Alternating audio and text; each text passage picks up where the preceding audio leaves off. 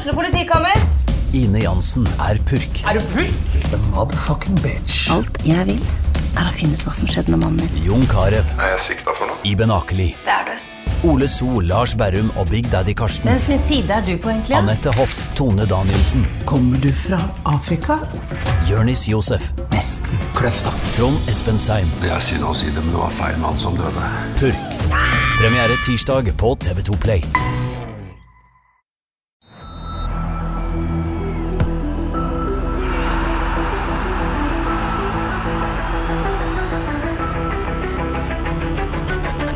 Hei og velkommen til episode 181 av Frelst. Mitt navn er Terje Flatteby. Og velkommen tilbake, Odd Kåre Grøtland. Tusen takk, Terje, og i like måte. Du har vært i Tromsø. Jeg har vært i Tromsø, ja. Det var, det var kjapt. Eh, Jeg klagde litt på sending her at eh, disse to guttene i studio aldri spør hvordan jeg har hatt det. Eh, Der kom han eh, tidlig, Johannes Dahl Husbø, men det var, ikke, var ikke det din replikk, egentlig? Jo, fordi nå leste vi jo i, eh, i manuskriptet her, Ja. og du har jo notert hvordan var det i Tromsø. Ja, det Altså, har jeg. Så dårlig er dere faktisk på å spørre. eh, Når jeg har spurt dere, liksom ingen folkeskikk i studio her, faktisk. Men, så Derfor må jeg begynne å sette i studio. Når jeg da vel å merke har noe å fortelle. Jeg setter pris på påminnelsen, jeg. Ja. Det er viktig. Men det er godt. det er godt. Men nå prøver jo Kåre å få vekk eh, oppmerksomhet fra ansiktet sitt, som han hater å snakke om. Se hvor brun han er! En nydelig brunfarge der. Ja, Dette er feil fokus i dag, gutter. ja, Vi må snakke litt om det. Det skal, komme mye om andre greier. Men jeg tror folk trenger å få litt humør opp før vi går inn i eh, det, det som jo er litt misere, og så, og så er det jo noe håp der likevel. Men, men eh, du har kost deg i sola? To uker sommer i november, det kan jeg anbefale. Det var veldig fint. Du det ikke sagt nei takk til en eh, sydentur på mandag? Nei, jeg hadde sagt ja takk. Og, eh, men det jeg ikke visste, var at eh, en brunfarge faktisk er i stand til å løfte humøret til lytterne. Ikke sant? Nei, det, Det- overrasker. Det var kanskje mer snakk om brunfargen og, og sånn, men, men greit. Men uansett, vi, vi fikk jo litt kritikk her sist vi var sammen. Nå hadde Jon Arne Riise forrige gang, men før det så, så rota vi oss litt vekk i noen suspensjoner og hvordan kvaliken var, og fikk noe, fikk noe pass på Twitter. Eh, Godt å ha Kåre tilbake, så passa på oss. Ja, det er viktig. Det ble mye musedans der. Musedans, faktisk. OK. eh, hadde du det bra i går kveld, Odd Nei, Odd Kåre. Johannes, hvordan, hvordan var det dramaet? Hvordan opplevde du det som supporter? Vet du hva? Jeg måtte sette inn et lite sånn uh, støt. Jeg måtte, ta, jeg måtte gjøre grep. Så det jeg gjorde, var å eh, pynte til jul hjemme. Altså før kampen, liksom? Etter kampen. Etter kampen, ja. For det, det løfter humøret hos deg. Jeg tenkte jeg må tenke på noe annet. Så nå, så nå hjemme hos eh, Husebø, så er det ferdigpynta til jul, Ja, rett og slett. Det var rett og slett grepet ditt. Det var mitt grep. Hjalp det? På et vis. Ja. Altså, jeg, jeg elsker jo jula-preseason. Julebø? Det, om du vil. Ja, ikke sant? Det, jeg er glad i jul. Ja. Eh, liker å se på julepynt. Ja. Så eh, det ble mitt grep. Fordi det var såpass tungt å tenke på å få i trynet. Men du liker å ha eliteserieplassen eh, berga før advent?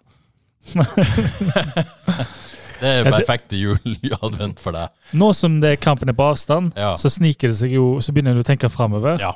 Der og da var det jævlig, Ja. men nå så tenker jeg jo inn i helsike for en kamp vi får på søndag. Ja, og for et drama vi fikk Oi, i går allerede, Odd Kåre, med, med, med det, det, Ja. det lå jo lenge an til at FK skulle ta på, og det gjorde man. Det var, var jo nært et poeng på slutten der, skal vi komme tilbake til. Men, men det var så mye drama i de andre kampene. Ja, det var det.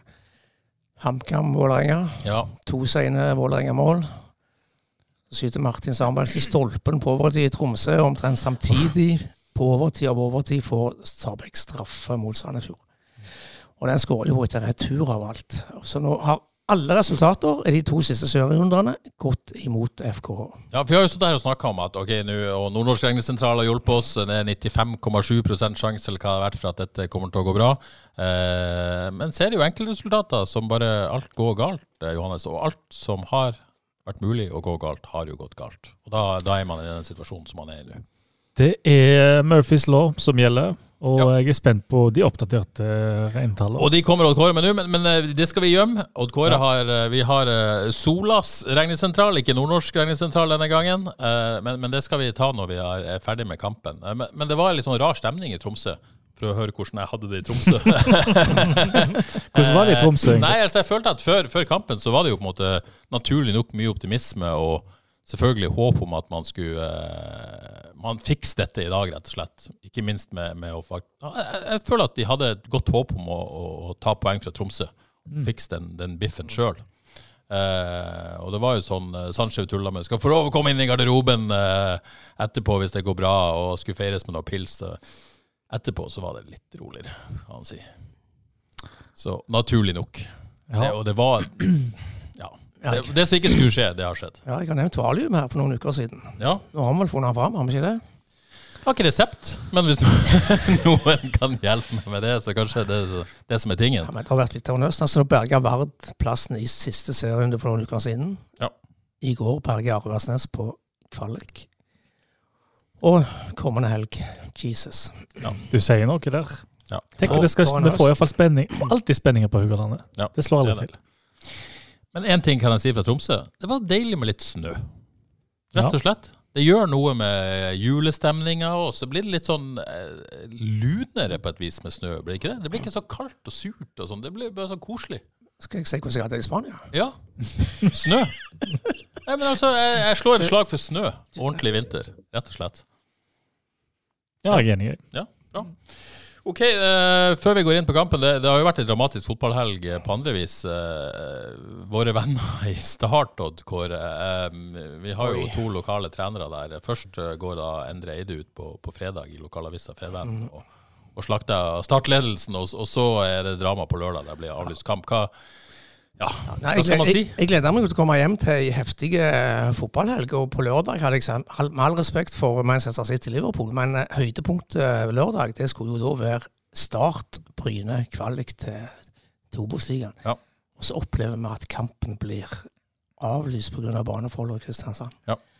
Og det, nei, det var, det var bare trist. Eh, tragisk eh, skandale her. Ja. Ja, det var nesten ikke ord. det det, ord. Altså det, det, det gjorde jo vondt å tenke på Sindre Kjelmeland reide som satt her nede og måtte innse at sånn endte denne sesongen.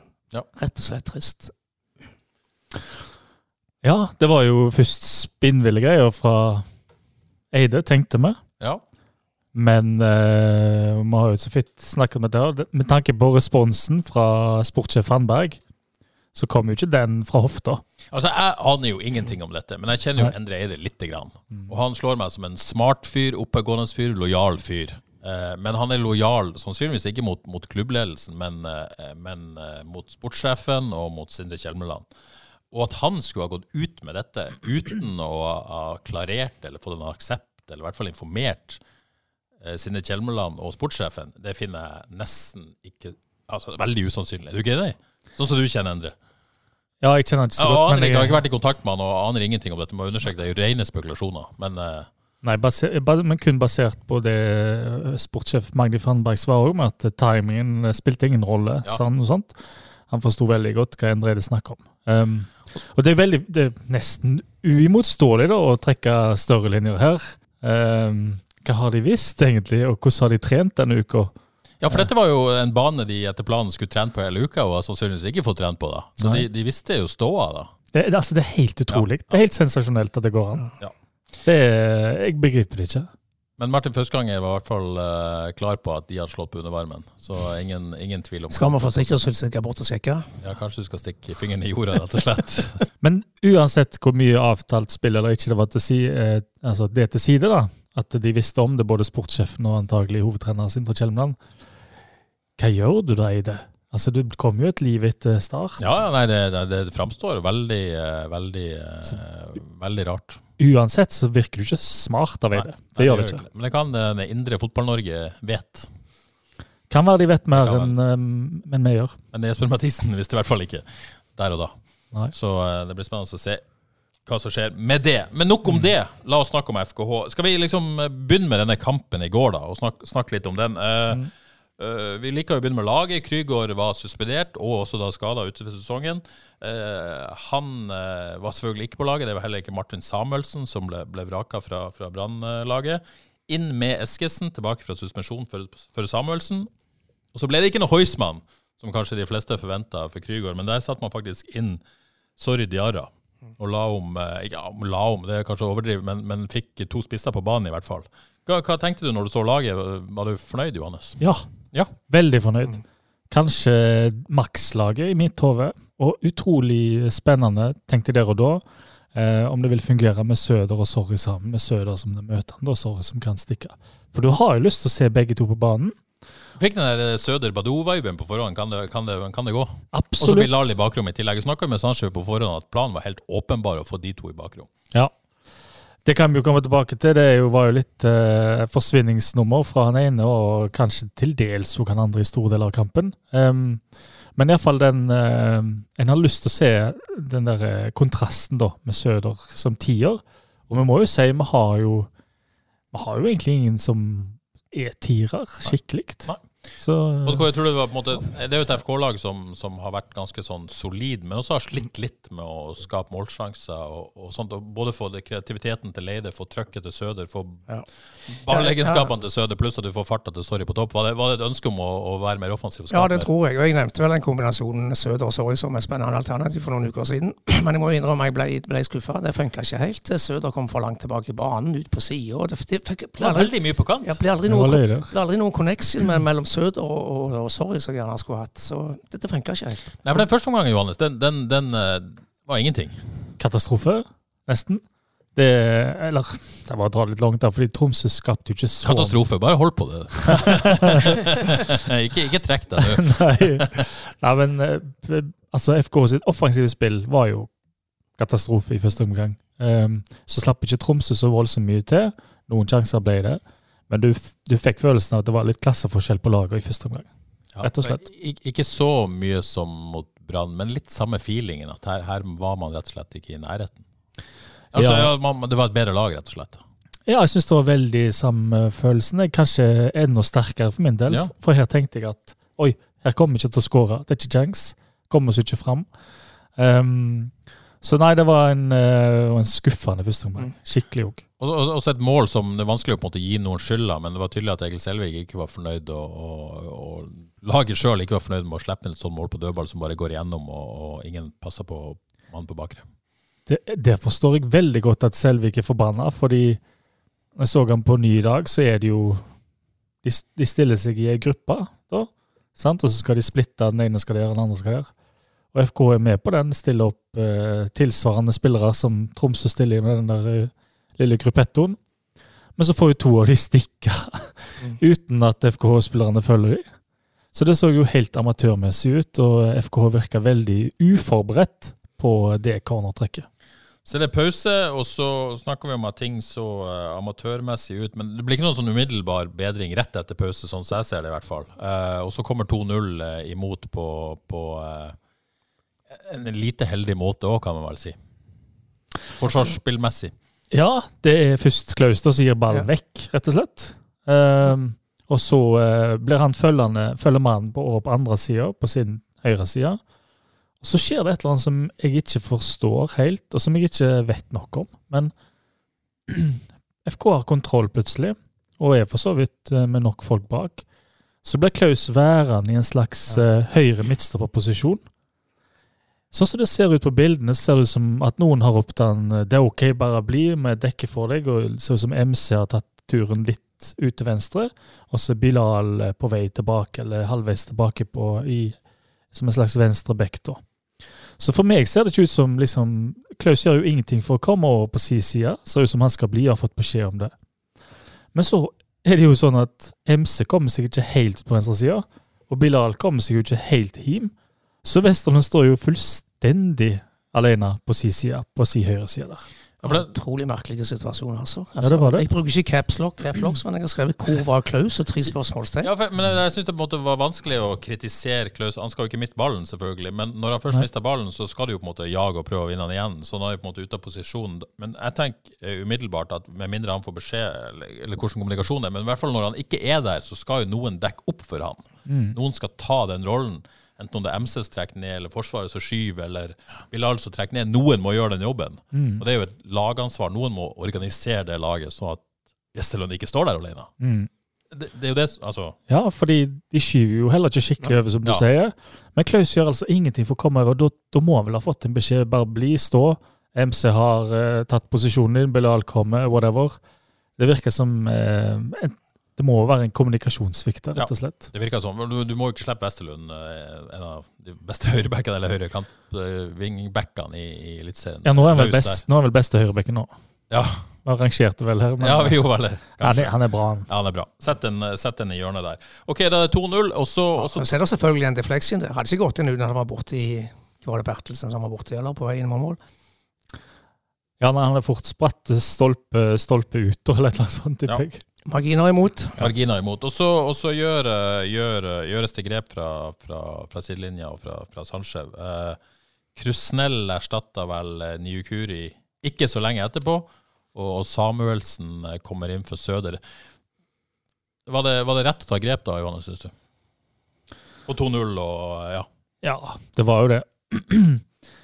Klaus holder vel ikke hele kampen, sånn er det vel. Eh, ja. Det har vært noen kamper han har stått, altså. Ja, det har det. Så det var, jeg vet ikke om det var Kan ha vært taktisk òg. Ja. Um, Martin inn, helt fint. Søder uh, spilt 60 på den banen der. Bortekampen er på en måte du Kommer kom ikke skikkelig inn i det heller, liksom. eh, Jeg gjorde ikke det, altså. ja, nei. Havna mye på kant. var det Ja. Og du var helt bevisst. Han trakk jo ut på kant for å finne rom og få tak i ball. Og det kan godt hende han var, var bevisst for liksom, hvis, du, hvis han klarer å motta ball der eh, rettvendt, og så få slått igjennom eh, i bakrom, kanskje det var planen. Kom, men da skulle jo kanskje Bilal kommet inn sentralt, men han så vi jo ingenting av. Nei. Fullstendig vekke. Men derfor i hvert Um, fall bedre, da. Ja da, jeg syns eh, Det var vanskelig å se helt hva som skjedde, men det, jeg syns FKH ligner som at de nesten la om litt til 4-3-3, jeg. Og at Eskesen kom inn som en tredje indreløper, og at de fikk litt mer eh, kontroll på midtbanen der. Um, og så hadde du Leite som våk, Han syns jeg vågte litt hele kampen, men han var jo evnet til å dra seg forbi eh, ledd og den slags. Um, så noe skjedde jo uh, definitivt, og, um, og Marten var veldig positiv, syns jeg, han kom inn. Ja. Um, Tonekti også kom inn på, på venstrekant. Det var Ja, han eh, kom. ok innhopp uh, Ja. fra Tonekti òg. det var det. Ja.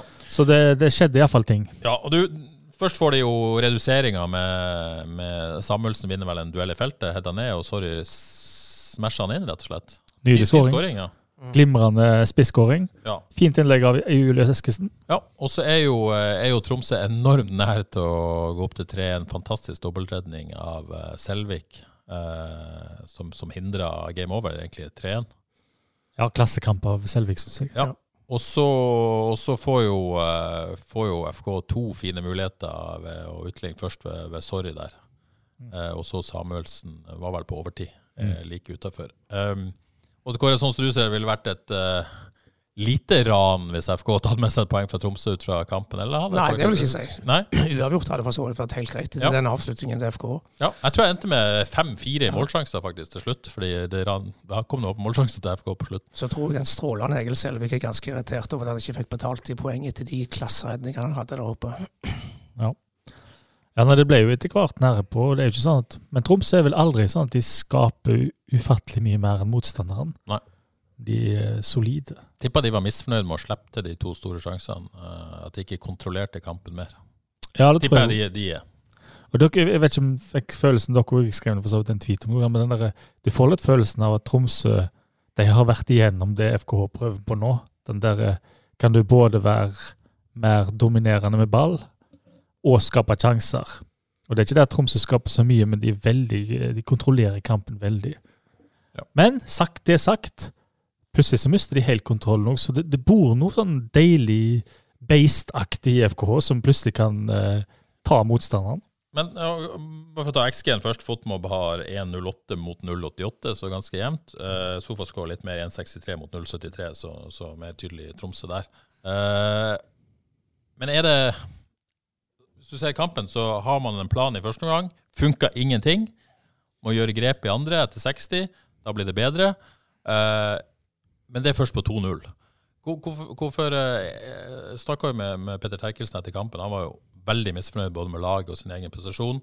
Og det at man på en måte ikke matcha Tromsø på noe nivå de første 60, da tipper han tenker på. Er det, kan man tenke at det er nerver først når kampen nesten er tapt, at man faktisk begynner å prestere? Jeg syns det så litt sånn ut. Det, Altså, det er jo bare spekulasjoner, og det, ja, men jeg syns det så litt sånn at det nå okay, ja, det var presset borte, liksom. Ok, men nå, nå må vi bare peise på her. Ja. Bare trø til. Um, Da fikk man jo også resultater fra Jeg vet ikke om Vålerenga leda vel ikke da.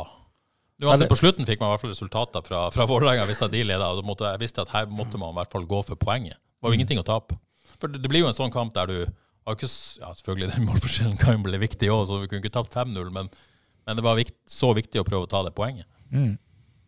Ja, nei eh, Hvis vi skal se Hvis vi skal se på de siste 30 minuttene, eksempel, så ah, Nei, jeg har ikke lyst Jeg trekker meg på den. Jeg hadde lyst til å si noe, eh, men jeg tenker jo at de har en god sjanse, da. Jeg tenkte du på søndag? Mm. Ja, jeg skal komme, komme tilbake til det. Men, men Odd Kåre, er det noe, er det noe Nei, det ble ikke sagt. Jeg trekker meg. Jeg angrer allerede. Ja, For å spørre om totalen, da. Er det Nå har man, eh, nå har man tapt tre kamper på rad. Ja. Det må man ikke glemme. Så er jo på en måte forklaringa slash eh, Ja, forklaringa eh, tre veldig gode lag. Mm. Så er ikke Lillestrøm et veldig godt lag, men et OK lag. Bra lag. Så er Brann selvfølgelig et veldig godt lag, og så er Tromsø et veldig godt lag. Er det så enkelt at de har møtt gode lag, bedre lag, og så har man tapt? De har møtt bedre lag, og så har det hatt litt marginer imot. Så de for så vidt har hatt uh, store deler av sesongen. Så du ser ikke noe sånn prestasjonsmessig dupp, at de er er dårligere nå enn de tre kampene Nei, de den første omgangen mot Tromsø var skuffende. Jeg hadde håpet de skulle gå litt mer eh, tøft, tøffere til verks, eller kanskje litt mer offensivt til verks. Du da, Jeg tror kanskje vi er litt forsiktige. er du, er du bekymra over utviklinga? Følte du at det gikk framover? Føler du det fortsatt? Ja, absolutt. Jeg synes det, jeg ser ikke helt hva, hva mer eh, Hvis vi skal ta treneren, hva mer en kunne gjort. Så jeg har fått veldig mye til, og FK så tross alt solid ut da, i går, selv om det ikke skaper så mye sjanser. Det er jo den store greia om å skape sjanser. Da. Det har jo for så vidt Det har jo ikke blitt snudd så mye på akkurat den biten. der Det skapes ikke all verdens med sjanser, men FK har bedre kontroll på kampene. Mye bedre kontroll Mm. på kampene etter eh, de nye kom inn. Det syns jeg virkelig. Så følte jo jeg det var rett å stille spørsmålet i går til Sandskjev og til, til Peter Terkelsen og til, til Martin Fauskanger da, om, om det er noe som helst tvil om er, er det Sandskjev som skal lede laget etter siste, siste, siste kampen. Uh, da basert på, på utviklinga. Um, fikk en del noe kritikk for det på Twitter, så jeg at det var håpløst å spørre om det. Og, sånn, og det, det må være lov å mene.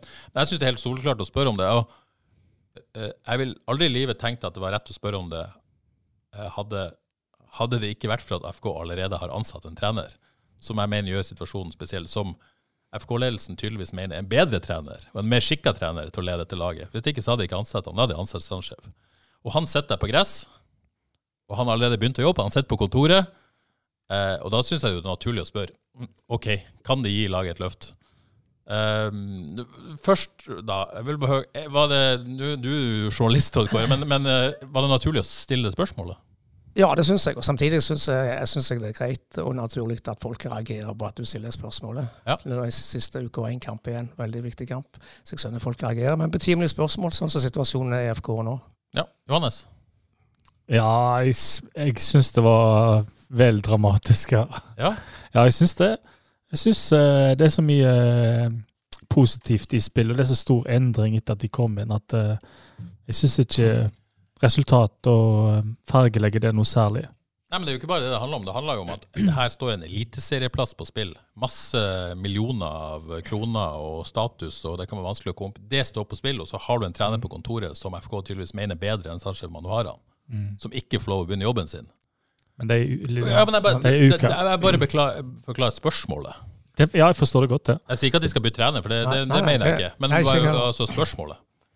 Ja. Jeg vil jo alle i livet sett, hadde det ikke vært for at han sitter på kontoret der. Ja. Nei, jeg forstår den. Det er bare at eh, Men det, det er jo Det er jo lett å forstå roller her, da. sant? Som supporter så vil du liksom ha kun positiv, positivitet og alt fokus mot siste kamp, og at eh, selvfølgelig skal vi stå sammen, osv., osv. Det er jo alt vi supportere tenker på.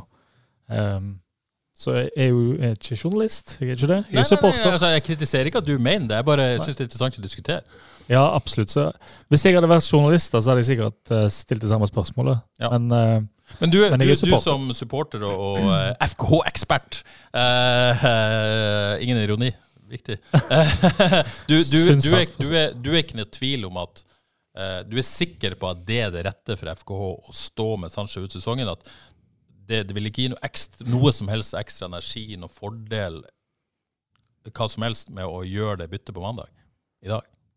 Kan være, men på en måte litt sånn farlig vei å gå, syns jeg.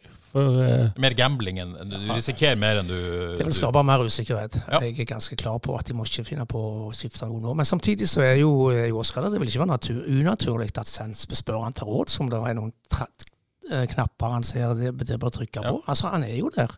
Og, og vi, vet jo, vi vet jo ikke hva som foregår på dette kontoret. Altså, de eh, de er jo selvfølgelig klar på utad at Oskar jobber bare med neste år. Eh, vi jobber med i år, og han blander seg ikke inn i det, med mindre de spør om råd. Men det ville jo overraske meg om de ikke faktisk snakka sammen. Hvordan skal de løse denne kampen? Klart de gjør det. De snakker sikkert ikke om uh, Det er jo sittet der lenge om julebord. Og nå kan man jo ikke snakke om neste år heller, for du aner ikke hva som skjer. Alt må jo øye på vent. Det er akkurat det. Ja. OK. Uh, Programmet på Edda kino ganske tynt, så det er ikke mye snakk om der. Nei, ikke sant? Ikke sant? OK, uh, før vi blir ferdig med kampen i går. Uh, enkeltspillere. Jonny Jørgensen uh, skriver bruk litt tid på å hylle Selvik og sesongen hans, og tanker rundt håp om for FK å beholde han en sesong til. For å ta sesongen først, da. og Kåre, vil du starte der? Egil Selvik? Ja. Nei, strålende. Fortjener landslagsplassen. Har vært veldig god. Som jeg sa her tidligere, er litt irriterende for han at ikke FK allerede har sikra plassen etter den sesongen han, han har gjort. Årets Det- spiller? Det har han forgjort. Fortjent. Ja, årets spiller. Definitivt årets spiller. Og børsen òg. Årets spiller. Ja. Fantastisk. Han eh, fortjener å ta steget videre snart. Ja, Rett og, og da, slett. og da er jo neste tanker om, om, om FK beholder en sesong til. Kontraktstatusen til, til Egil Selvik er jo relativt kjent. Den går ut etter neste sesong. Eh, jeg, jeg tror aldri i livet han signerer ny kontrakt med FK. Nei. Det skjer ikke. Det, det, det skjer jo ikke. Eh, så da håp om å beholde han. Har vi noen tanker om det? De kan jo beholde han så lenge de vil. Ja. ja det er, men det er et veldig eh, spennende spørsmål. Fordi eh, hvor mange keepere går i vinduet som kommer, det har han vært inne på før. Eh, men skal de ha en god dose med penger, så må han kanskje selges etter sesongen. Men det er de som er klar til å gi en god dose med penger, klar for å signere en keeper i det vinduet, det vet vi ikke. Nei. Så eh, Men jeg tror akkurat Det kan vel gjøres mye på bakrommet her. At det, til sommeren som kommer man eh, Men det løyer det jo at å skifte keeper midt i sommeren for FKHs side. Må vel håpe på å finne en eh, tilbyder her i, i vintervinduet. Hva, hva skjer i Skien? Skien? Skien, ja. Eh. PK Bråtveit ute av kontrakt der. Eh, tipper han i utgangspunktet har lyst til å være ute videre, da. Eh, tror han sa sist vi snakka med han om det, at han hadde ikke noe hast om å komme hjem. Mm. Sånn sett. Uh, men helt klart, der er en keeper. Og så er det interessant den keepersituasjonen i FK. Uh, Amund Vikne For jeg tror alle har lyst til å se mer av han. ja, har jo vært veldig god i Var to kamper han fikk? Ja, Var kjempegod. Ja. Uh, Frank Stopple tilbake på FK-trening etter en sesong i Vard. Noen som har noen tanker om hvordan han har gjort det i Vard Uh, året som gikk? Eh, litt ujevnt, Ja. men eh, jevnt over solid. Har jo vært uh, ansett som et stort stort keepertalent i, i mange år. Jeg Eh, hadde kanskje håpet å sitte, en, sitte med enda mer aviser igjen. Ja. Kanskje. og så har du selvfølgelig noen keeper i, i Sander Østråd bak der, som eh, 18 år ba- bak der, Einar Fauskanger og Ja. landslagskeepere begge to, som selvfølgelig er for, ung for, for Eliteserien begge to foreløpig. Men, men likevel, det, det er godt skodd. så så blir det veldig spennende å se hva de gjør hvis Selvik forsvinner. Mm. For å svare på spørsmålet, jeg tror ikke han blir hele sesongen, men det er jo et visst håp om å beholde han til sommeren. Og hvis ikke FK har nok penger for han, så får han bare gå ut av kontrakten, og så får han dra. Det kan jo være et alternativ, det òg. Hvis man ikke får nok, eh, nok penger. Er i hvert fall, jeg syns det er veldig fint å tenke på at eh, Amund Vikne finnes der. Og jeg tror FK har lyst til å gi han sjansen. Men hva, så, hva er fair pris for en keeper av Selviks format? Jeg har lyst til å se et totall eh, to Ja, sifre nå og har han jo debutert for Norge og spilt i viktige kamper for Norge. og i det hele tatt. Ja, akkurat det tror jeg er veldig viktig med tanke på den prisen. Skuffa Ja, men samtidig, hvis han kommer til sommeren og det er et halvt år igjen av kontrakten, så tror jeg det blir vanskelig å få to siffre. Ja, det kan være. Uh, OK. uh, Sigve mener at det var litt for streng med Bruno på børsen. Eneste som spilte med lave skuldre, tidvis briljant. Enig. Ja. Helt enig. Han eh, var oppe og lukta på en syver på min børs. Ja. Så så jeg du ga han fem. Jeg ble litt overraska. ja, jeg ser den. Eh, jeg tror jeg var jeg tror det var litt sånn, eh, Han var bra med ball, men så ja, følte vel ikke Men du så hele bildet? Nei, jeg sier ikke det, men uh, prøv. Jeg var jo tross alt til stede da. Så ikke bare på TV, så hele banen.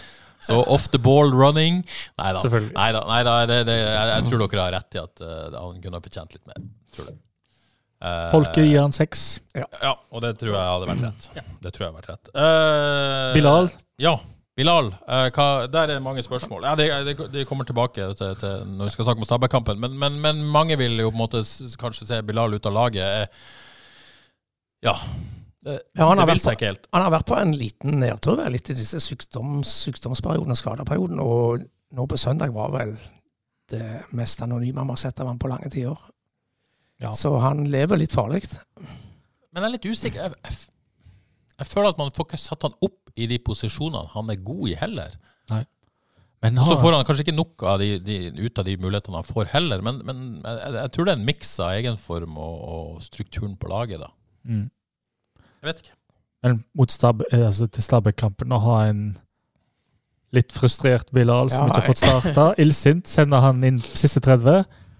Oh, jeg kan lage helsike. så det er et enormt Ja, med den farta og den eh, styrken der. Når kampen åpner seg opp etter en time òg, så kjempevåpen har på benken. Jeg Jeg tror han, han er revansjesugen uansett. Jeg kan gjerne spille ham fra start òg. Jeg tror eh, Hall eh, har en fin søndag foran seg. Ja. Så hadde vel Selvik som best på min børs. Fredriksen som nest best, som syns jeg fortsatt, eh, også i tillegg til, til Leite, som, som fortsatt imponerer meg. Men disse også lave skuldre, vil jeg si. Imponerende ro med ball, og så roter han det til noen ganger. Men det er stort sett som et, en følge av at han, han prøver å gjøre noe konstruktivt. Syns, uh, syns Ulrik var god igjen i går. Mm. Ja. Um, jeg synes uh, Eskesen hadde en begredelig første omgang, men han løfta seg en del i andre omgang. Ja. Så um, Endte vel, med, endte vel med, med en treer på Bilal og Søder, tror jeg. Eh, også en, en firer på Eskesen etter den svake førsteomgangen. Uh, Det høres greit ut. fikk vel fire, fire på Sorry, mest av målet, da. Uh, så det var det endte. Men, uh, men det var vel de offensive spillerne da, som, som ikke klikka i går, da. Ja, det, grad. det er jo det som blir utfordringen nå frem mot Stabæk. Å finne jeg, formspillerne i fremste rekke der og sette opp de rette, rette spillerne på riktig sted. Men det er jo og gode offensive spillere som er gode alltid. De har ofte sidebacker som kommer stormende og bruker og den slags. Så det er liksom det er litt få, få med alternativ òg, spesielt i første omgang, når ikke sidebackene kommer noen gang omtrent. Ja, for det er Derkel kom heller ikke eh, som vanlig. Sjeldnere iallfall enn Ja. vanlig. Men ble nok pressa bakover av kantspillerne Ja. til Tromsø. Da, men da er det ikke så mye å spille på for uh, ta Eskesen. Hva skal han gjøre på det, da? Det, og det er jo ingen som helt kan dra av en mann så lett, så helt avhengig av at hele laget kommer. Ja. Ok, det ble tap i Tromsø. Vålerenga vant. Stabæk vant. Man har havna i denne situasjonen som eh, man absolutt ikke skulle havne i. Alt står på spill foran kampen på søndag. Eh, det er vel relativt enkelt, eh, selv om det er komplisert. Hvis Sandefjord og Vålerenga vinner, så, så er man vel da garantert kvalik ved uavgjort. Men hvis man da taper mot Stabæk og de to andre taper, så rykker man direkte ned. Det er sjukt å tenke på. ja, er det ikke det? Jo, det er det. Det er vanskelig å ta inn over seg. Det er jo ikke så mange uker siden vi satt her i studio og var ganske så sikre på at dette var dønn. Jeg har til og med bestilt meg englandstur i neste uke.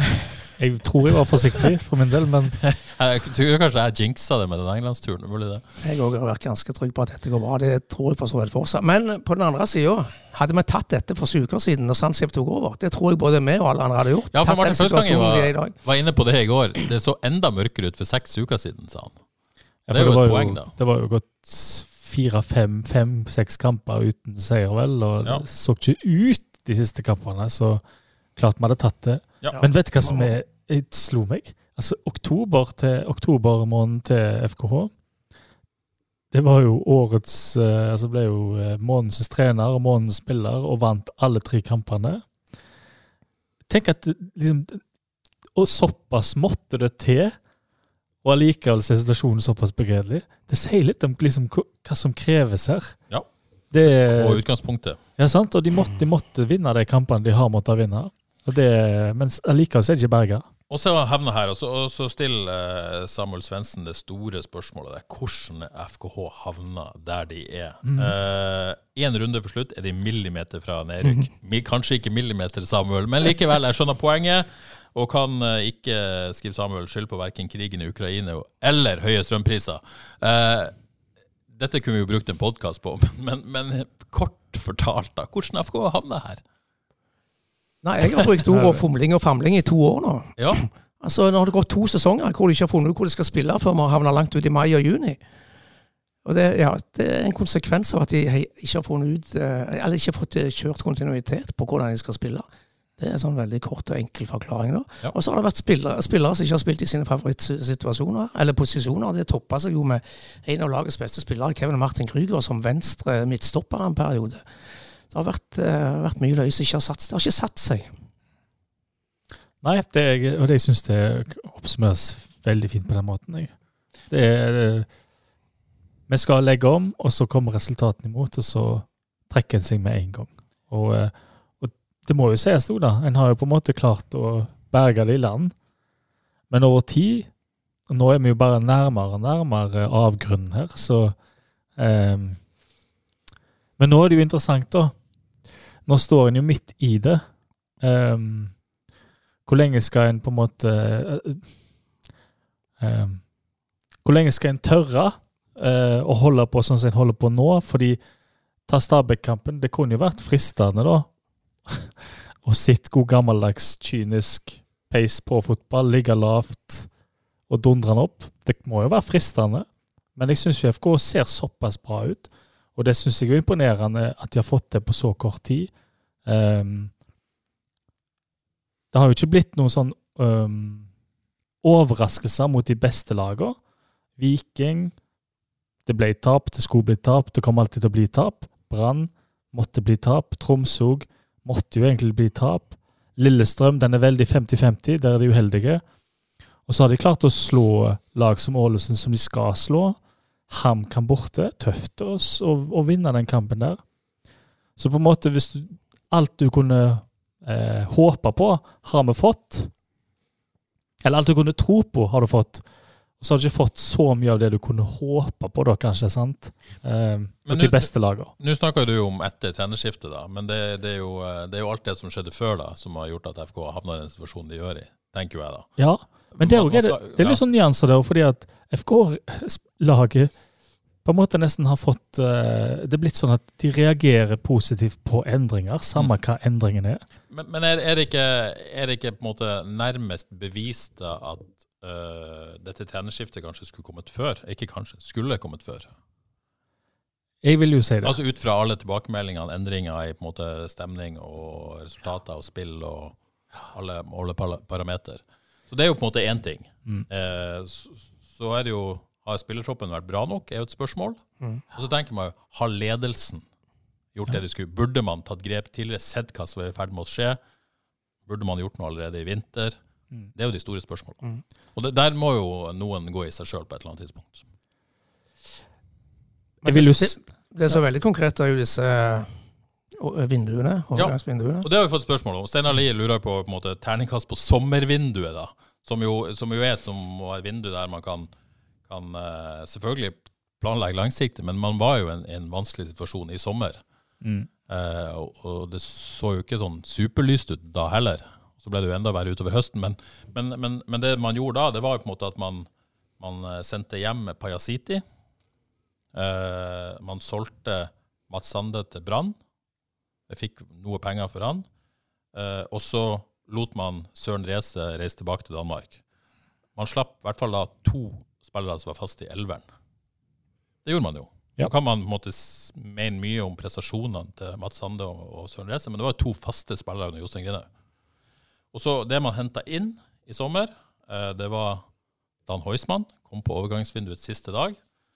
Eh, og så Michel Galina.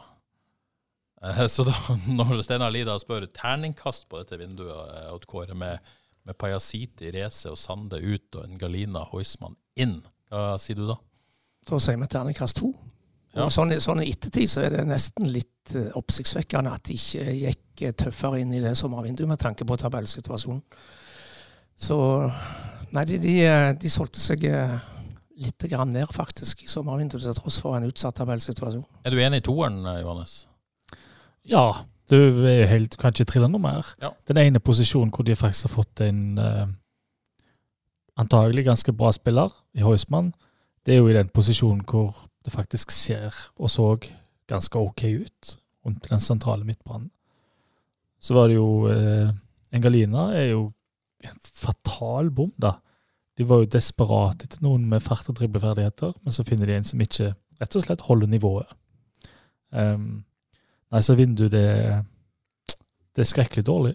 Ja, Så kan man jo si at det med å f.eks. slippe Søren Reise, det har jo på en måte gitt Ulrik Fredriksen muligheten til å Mm. skinne. Og det er jo mange måter å se dette på, men, Ja. men hvis man tenker at man, Men det kan ikke de som de står for det, ha, Nei. få kreditt for. Nei, det, det kan de heller ikke. Så det er jo på en måte en tilfeldighet som kanskje har i anførselstegn redda fra ei flause, da. Ja, det er absolutt det. Eh, så Men ja, hadde man tillit til den troppen, trodde at denne troppen var god nok, og så, og så viser det seg at det, det er ikke sikkert den er. Nei, og det, nå blir jeg jo fristet til å ta en ting til, da. Det er jo at Nå har jo jeg, jeg i hvert fall visst om en voksende misnøye lenge, og det sa jeg fra om i vår.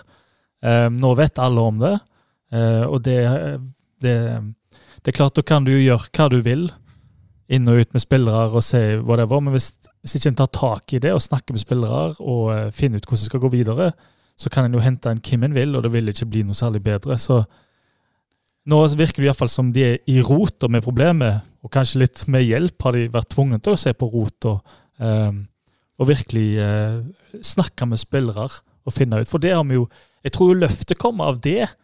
At spillere føler seg hørt, sett og snakka med. Du klarte å løfte deg da. Ja.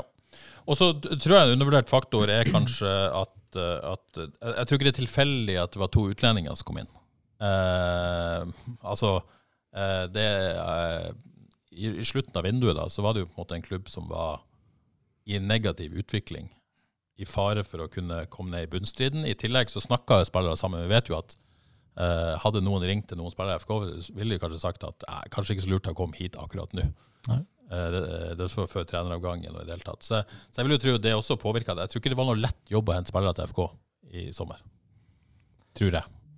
Nei. Med mindre man uh, splash to cash. Eh, det løser jo alt. Men Mm. det hadde man eh, kanskje ikke muligheten til. OK. eh, skal vi rett og slett da eh, se fram mot det som skal skje på søndag, Godt, Kåre? Skal vi begynne med regnesentralen fra Sola? Hva, hvordan, eh, hva sier tallene om FK sine muligheter på søndag? Nei, Jeg har egentlig bare gjort en veldig enkel beregning på hvor stor sjansen er for eller hvor stor sjansen for å ikke rykke eh, direkte ned. Ikke rykk direkte ned. Ja. Ja. Eh, dere kan jo være med og hjelpe meg her. med- nå, men eh, Det som må skje, er jo at eh, Sandefjord slår Lillestrøm. Hvor stor sjanse er det for det, syns dere? Jeg syns den er stor. ja, det tror jeg er stor. Ja. Lillestrøm har ingenting å spille Ja. for. Og, Mm. Jeg har satt den til 60% ja, men jeg tror nesten den er høyere òg. Men Ja. greit. Ok. Og så må uh, Vålerenga slå Tromsø i Oslo. Hvor stor er sjansen for det? Ja, jeg ville sagt den er ganske stor. At Vålerenga slår Tromsø? Mm. Nei, det tror ikke jeg ville ha satt til mer enn 40, ja. Men, uh, men greit. Jeg har satt den til 50. Du har satt den 50-50-50? det er kanskje, det er kanskje litt mye. Kanskje litt. Tromsø er, det er bra. Og bedre bortebane, hjemmebane og en medaljekamp. Men 50-50 er greit. Jeg kan jo nevne den forbindelse at Vålerenga er det suverent dårligste hjemmelaget i serien. Ja. Og Tromsø er det beste bortelaget. Ja. Merk dere det, FK-supportere. Fullsatt intility, nerver i høyspenn hos Vålerenga. Mm, mm. Og så er det den siste kampen da, som går her i Haugesund. Ja. Hvor stor er sjansen for at Stabæk vinner mot FK? Jeg tør ikke å si det høyt, men eh, jeg tør ikke å si det høyt. Er det 30 eller er det 40? Jeg har satt den til 40. Ja, OK. Da, da, Så de da er vi vinner sånn- faktisk. Ja. For at Stabæk vinner, altså at FK taper den kampen. Ja. Som skal må til for at de rykker direkte ned. Da kommer vi fram til at for at alt det skal skje, 12 sjanse. For at Altså, man skal de rikte med, med de sannsynlighetene, ja. Ja, med de sannsynlighetene. Ja, ja. Altså 88 sjanse for at de ikke rykker direkte ned. Ja. Så blir det litt mer komplisert regnestykke på denne kvalikplassen, så de, de lar meg ligge. ja. Nei, det høres ikke usannsynlig ut. Men her er det mange parametere og mye usikkerhet, selvfølgelig. En har jo en god følelse på at direkte nedrykk på et vis skal unngås. Men uh, den kvalikplassen syns jeg ser fælt skummel ut, jeg. Ja, for hvis Vålerenga vinner, og uh, Sandefjord vinner, og det blir uavgjort på stadion, så er det kvalik og Stabæk ned. Ikke sant? Så uh, ja. Det, det, er fort, det går an å se for seg det. Ja. Akkurat det der. OK, uh, noen reaksjoner her. Stig Runar Tveit skriver nå handler det om mobilisering til siste kamp. Alle som bryr seg, må på kamp. Hvordan Ja. klarer man å få til en utsolgt stadion? Må man gjøre noe? Er det ikke, altså, går ikke det av seg sjøl? Eller? Er jeg så naiv, da? Jeg er jo naiv, da. Det bør jo Ja, ja. Ja, jeg er naiv. Altså, for et drama. Du kan ikke gå glipp av en sånn en kamp. Trenger man gjør Hvis du er interessert Er det ikke bare fotball, å det. forklare scenario? Kom på Hvor, kamp. hvor var du når eh, den kampen går? Ikke sant? Eh, Kurt Dahl skriver Han har trua på at dette ordner seg. Nei, om vi har truen på at dette ordner seg. Uggen følelse her, skriver Kurt Dahl. Uggen kvalik, En litt sånn uggen kvalikfølelse. Henry Mardal skriver det er ikke Real Madrid som kommer på søndag. Det er tabellnaboen som ikke har noe god statistikk i Haugesund. Det bør være mulig å komme seg helskinna igjennom. Jeg tør ikke å håpe. Så Men det er ikke Real Madrid, det kan vi være enige om, Henry. det er faktu, Men ser de ut som Real Madrid nå? Definitivt ikke. De var, he de vært heldige i helga nå Ja, så har Stabæk eh, borte tre uavgjorte på rad. 1-1 mot Rosenborg, 2-2 mot Sarpsborg og 0-0 mot Enga. Og Bradley har gjort de bedre, det er vi enige om. Bedre, men ikke veldig gode. For all del. Dette er et lag FK normalt, normalt slår på hjemmebane. Ja. Stein spør har dere akseptert nedrykket. Nei, Stein. Fy. Vikingsupporter. Så er spørsmålet hva, hva nå, da? For det på en måte, Vi kan snakke om mye rundt, men det er på banen det må skje. Og det er da eh, tilsynelatende Sanchez Manuharan og Pøl André Farstad som skal ta de beslutningene. Andreas Kalland Grannes, hvordan bør FKH angripe denne kampen mot et solid og kontringssterkt Stabæk? I strupen fra start, eller en mer forsiktig tilnærming? Bradley har fire strake bortekamper uten tap mot Stabæk. I strupen fra start. I strupen. Få med publikum Definitivt. Ja. rett i trynet på dem. Ja. Det er, og da våkner publikum, og da er Haugesund Ja, for dere vil ikke ta det litt rolig, Nei, se hva som nei, skjer nei, i Oslo, se hva som skjer i Sandefjord. Nei, Kanskje holde det med uavgjort, kanskje holde det med tap. Du må ikke gi noen Nei, holde ikke med tap. Ja. ja, det kan jo holde med tap òg, faktisk. ja, det kan det. Men du må, være, du må gå ut på det og være sjef. Ja. Det, det er ikke noe tvil hos dere. Nei, Bare gå ut og angripe fra start. Tror dere det kommer til å skje? Peis på. Du snakka jo sjøl om nettopp å legge seg bakpå og ta de på kontringer og Peis på for det. Ja. Så, så eh, rett og slett eh, gå i strupen på det, stå høyt offensivt. Ja, Ja. ja det, det syns jeg. Det er um, Det er bare å dra Altså For, for publikum, da, da får du jo Klarer du noen ekstra meter, Ja. og klarer bitte litt ekstra. Og hvis du klarer å få med publikum fra start, så Og det er det lille ekstra det kommer til å handle om i denne kampen. De elementære tingene. Vinne duellene, springe litt ekstra. Ja. Så går dette fint. Og så er det laget, da. Eh, Jostein Rasmussen skriver Bilal bør få hvil innvær inn om han ble frisk. Var syk nå i helga. Eh, hvis ikke må Tonekti eh, Hvis ikke Tonekti, eh, viktig med offensiv innstilling fra start, mener Jostein. Enig med dere. Vegard Villand Helgesen, friske innhopp både av Martin Samuelsen og Tonekti mot Tromsø. Hvordan bør de vurderes inn mot neste helg? På tide at Bilal benkes. Eh, Arvid Apeland Rolland er inne på det samme. Syns Tonekti gjorde en god figur da han kom inn. Spør om han starta istedenfor Bilal neste kamp. Han vil også ønske seg en gjesteopptreden av Geir Kristiansen i Frelst. Det ønsker jeg. Det er jo snart jul, så det er lov å ønske seg mye. Det er ikke sikkert julenissen innfrir alt, men vi, vi får se. Vi får se. Men uansett. Laget. Ja. Eh, jeg vil stille et bunn La oss begynne bakfra. Egil Selvik skal stå i mål, og mesteparten av fireren skal spille. Men uh, uh, har Klaus en nedadgående kurve? Er det på tide med Oskar Krusnell? Jeg holder fortsatt på Klaus. Ja, ingen tvil. Ingen tvil? Ingen tvil. Ok. Uh, og så vet vi at Leite spiller, og, og vil dere fortsette med den samme Nei, unnskyld, MC spiller og garantert også Leite, men vil dere på en måte fortsette med den tilnærminga i Tromsø? Med Sorry og Søde på banen?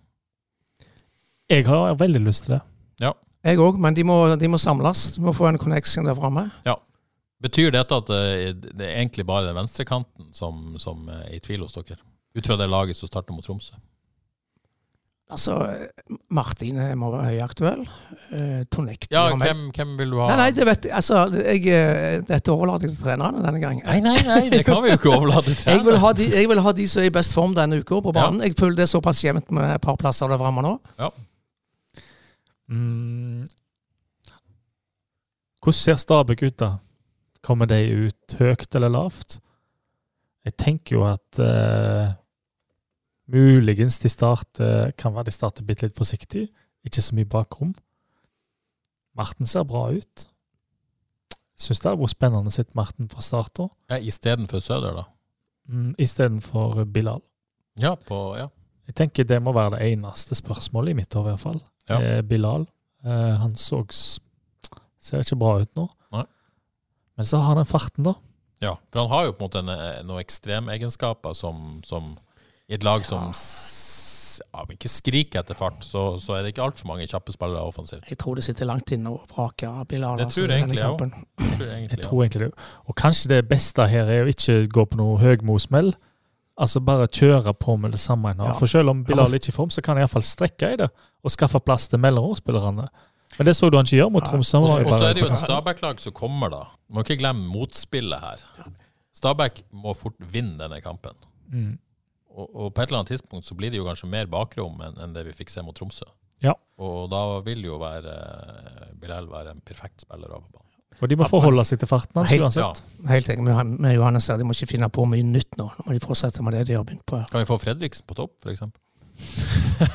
Siste, Har jo vært spiss. Siste fem. Det er Nei, første fem. Høgmo spesial. ja, det er Eller spille uten spisser. Er ikke det? Ja. ja, falsk. Falske niere. ja. Ja. Nei da, OK. Så eh, hva, hva ender dere med? Samme lag, da? Jeg syns det. Ja. Du vil ha forutspillere? og- Krüger skada likevel, så.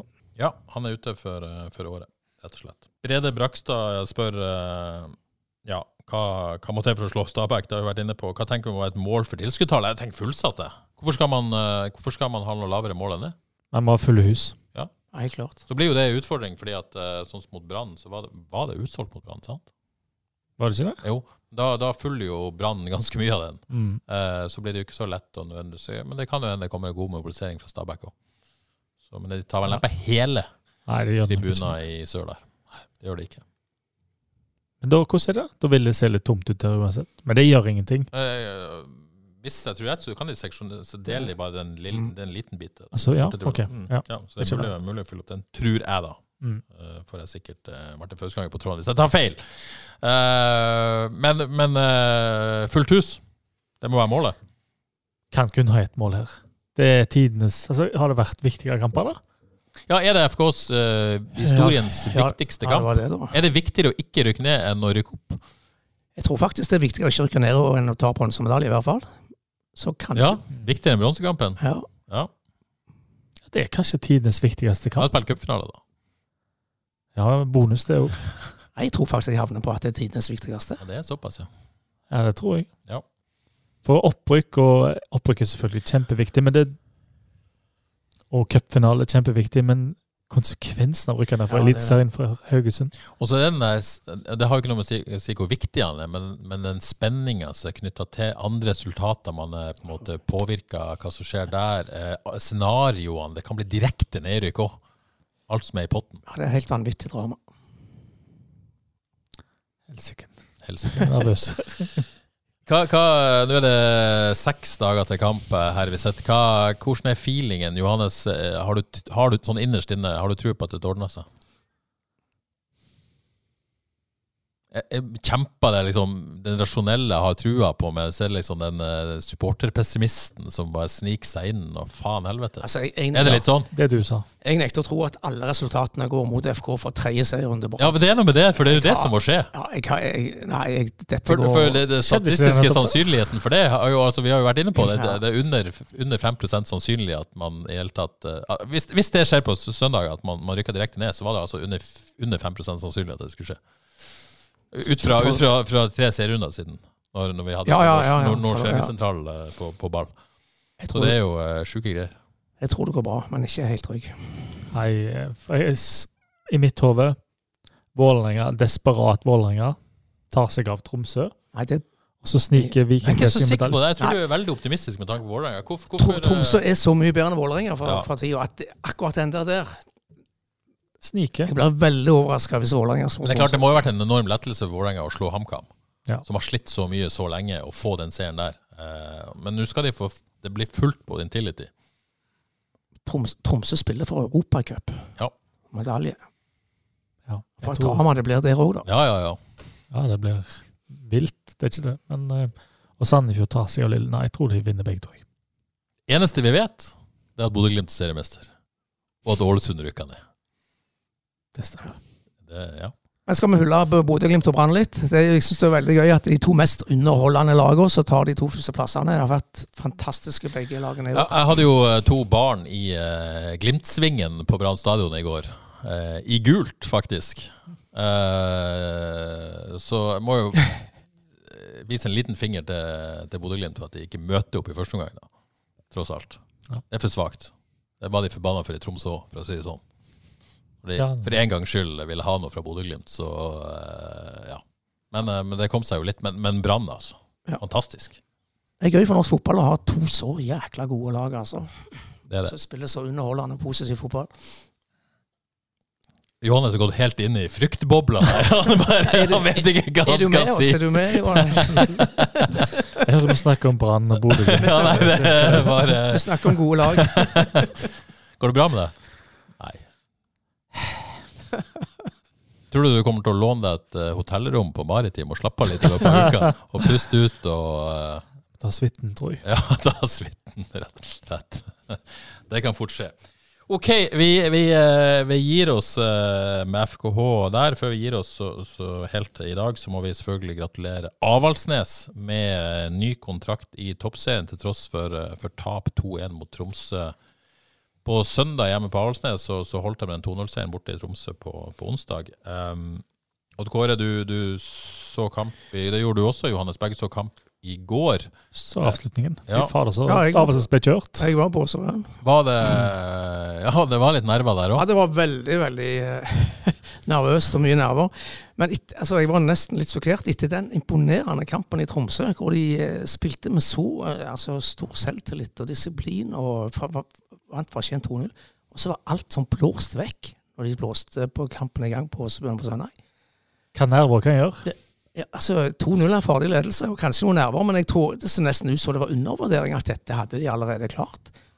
Og den første omgangen spesielt. Men tror du det Det var var sånn at. Avaldsnes fikk nervene mens Tromsø allerede hadde tapt kampen og bare kunne spille? Det var vel det Riise Ja, var ja, inne på? ja. ja. ja. Det er mye oppi hodet. Merkelige greier. Fotballen fascinerende. Altså. Ja. Men det Men gikk, gikk bra. Det gikk bra. Ja. De jobba beinhardt eh, og de jobbet seg inn i kampen. og eh, Det var spennende en omgang, men eh, det, det gikk bra.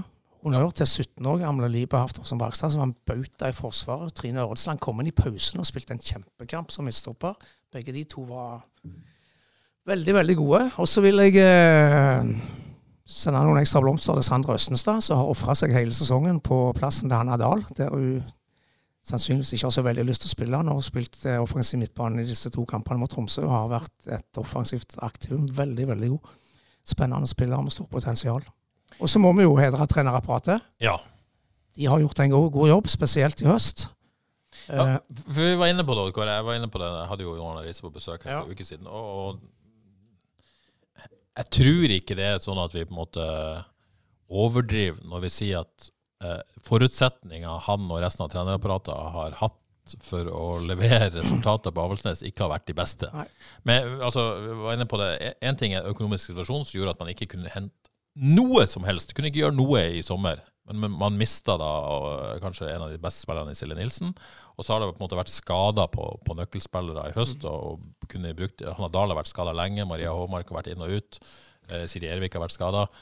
Det er jo og, og, Så man ser det utenfra. Kvalik igjen og berga hår altså, Det er jo ikke all verden. Men er dette en prestasjon?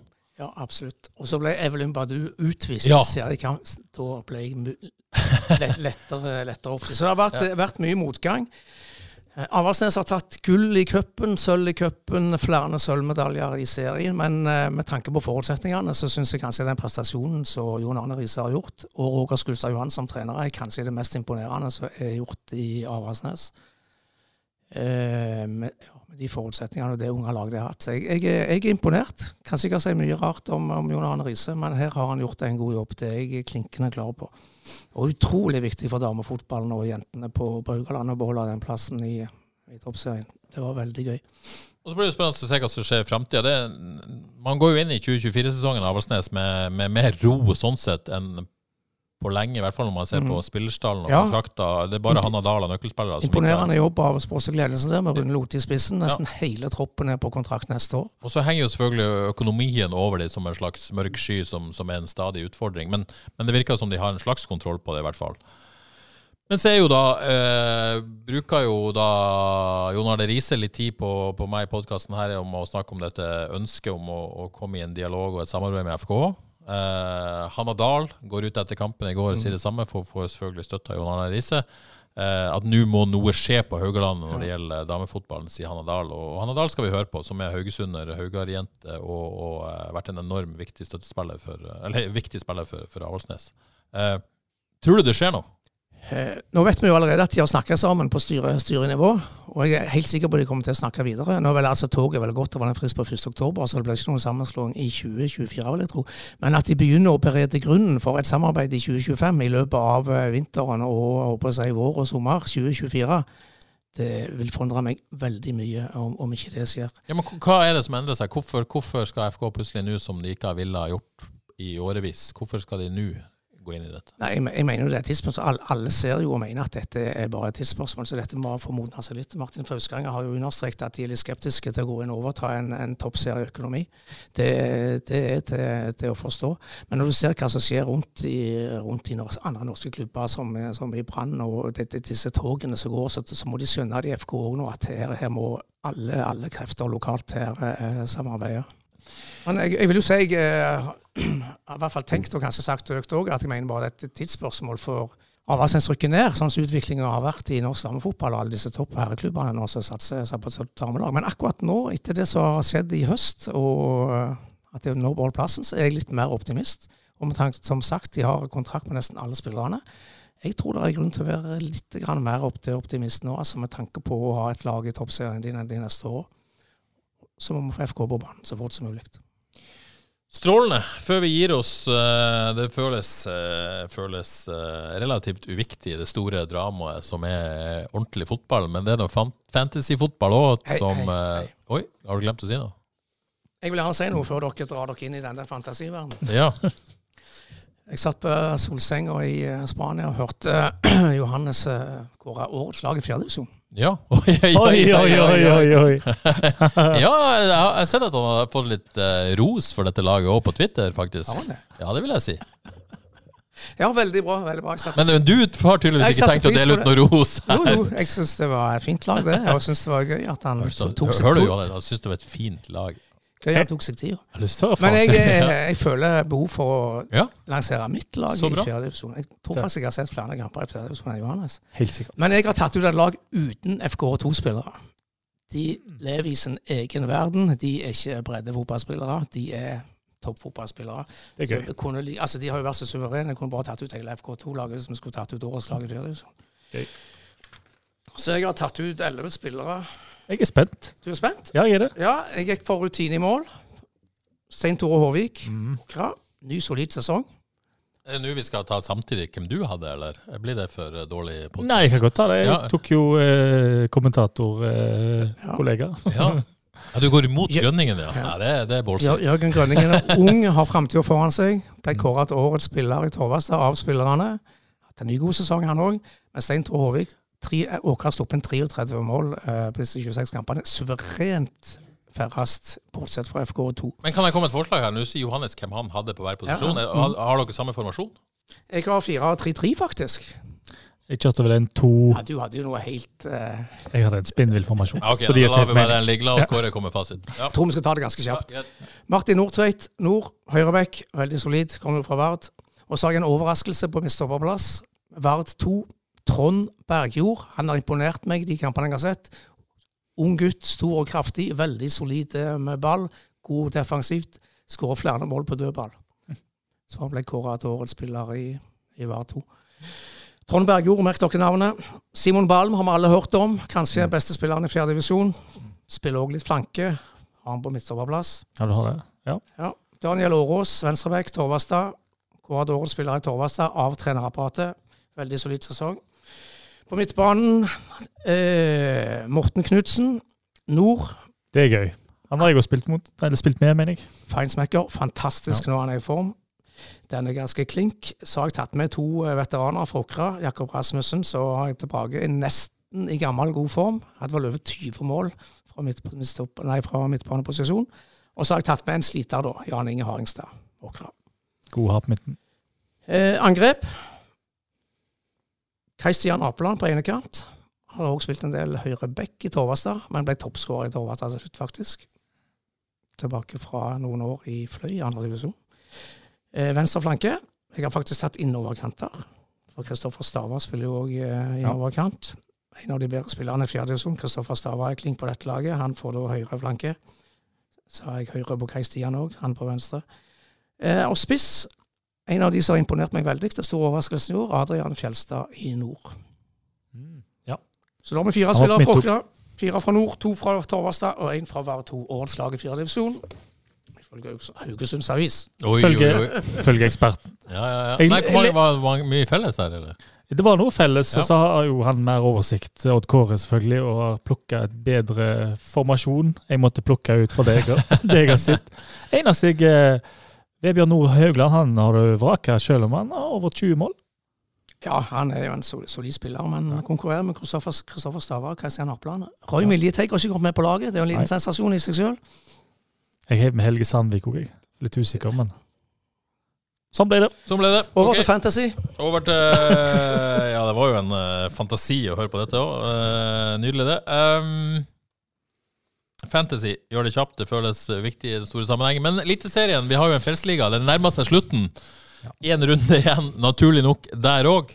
Der er Kristian Eidesvik eh, på topp med sitt Lalana Airlines. Ganske god ledelse til Martin Austrheim, hans FK Savoline, med Darren Molloy og hans Autø Sliter alltid med dette. Auto Autøre Kløse, tror jeg det.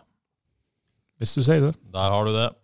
Eh, Men én runde igjen, og mye kan jo skje. Men, eh, men Kristian Eidsvik ser ut til å stikke av med premien, rett og slett, her i Frelsesligaen. Hvor har Flateby posisjonert seg? Flateby har krøpet seg opp på 28.-plass. Ja, ja. Eh, med 71 poeng denne runden. Eh, til tross for at jeg cappa Pellegrino. Fikk ikke med meg i stresset i Tromsø at han var benka. Eh, sånn er det. Husebø, 104.-plass. 60 poeng denne runden.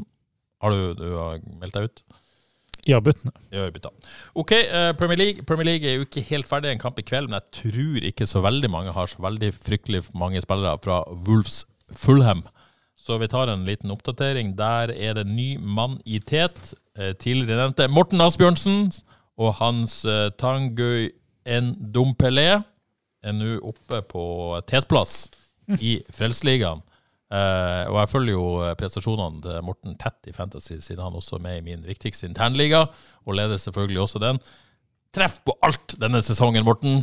Sjukt annoying, men uh, imponerende i teten på Frelsesligaen. Eh, tre poeng foran nå, foran Blue Harry Kane og Jens Gustav Emmerhoff Lidal, og tredjeplass med Bjørnar Jacobsen og hans Arisa Balagarba. Husebø, rød pil, 150.-plass, 45 poeng. Restored heter laget. Kapteinen var Bruno Fernandes. Ja, var greit, det. Det var greit, det. Synd han ga fra seg straffe til Rashford, da, men eh, sånn er det. Ja, det var dumt.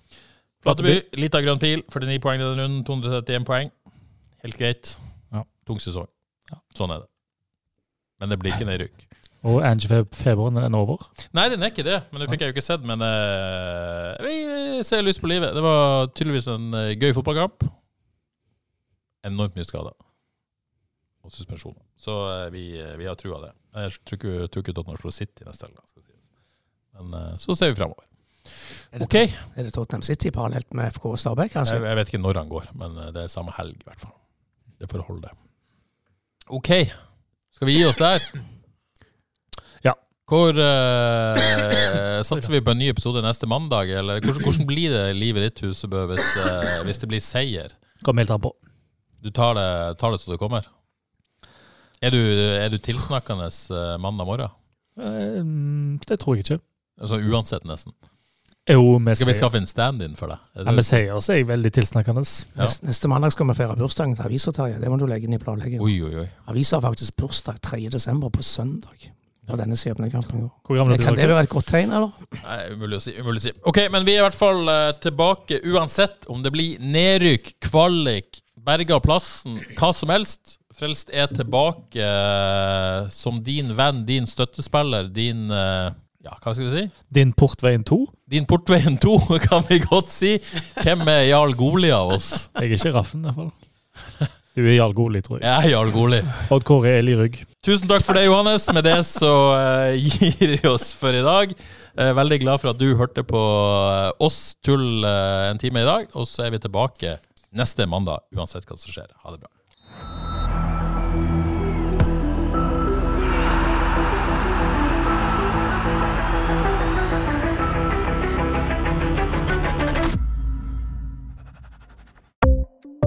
Ukens annonsør er HelloFresh. HelloFresh er verdens ledende matkasseleverandør og kan være redningen i en travel hverdag. Mange av oss har nok vandret i butikken både sultne og uten en plan for middagen, som ender med at vi går for de samme kjedelige rettene gang på gang.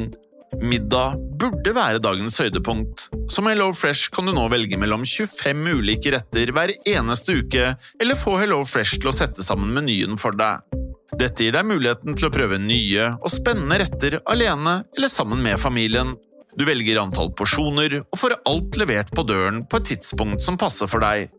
Oppskriftene er enkle, og maten er lett å lage både for store og for små.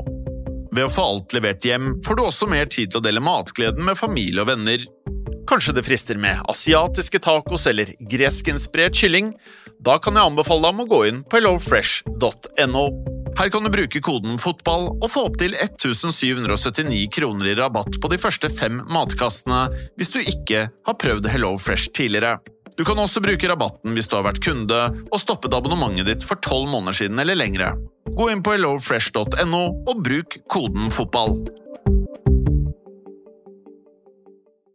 Har du et enkeltpersonforetak eller en liten bedrift? Da er du sikkert lei av å høre meg snakke om hvor enkelt det er med kvitteringer og bilag i fiken, så vi eh, gir oss her, vi. Fordi vi liker enkelt. Fiken superenkelt regnskap.